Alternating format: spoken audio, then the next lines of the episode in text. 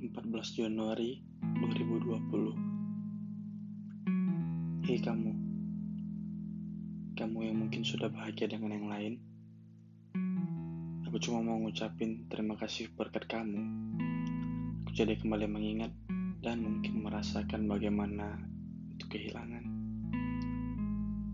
Dan ya kembali mencari cara bagaimana harus merelakan ketidakberadaan seseorang yang dahulu berjalan bersamaku.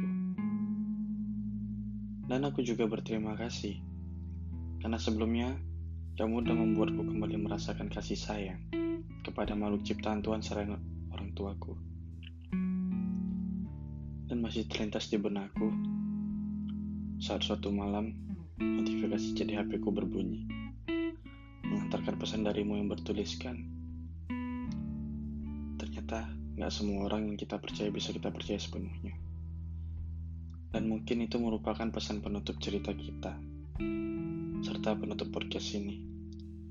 Sekali lagi terima kasih untuk rasa sakit yang terulang kembali. Dari seseorang yang seharusnya hanya mengagumimu, hingga pada akhirnya jatuh hati padamu.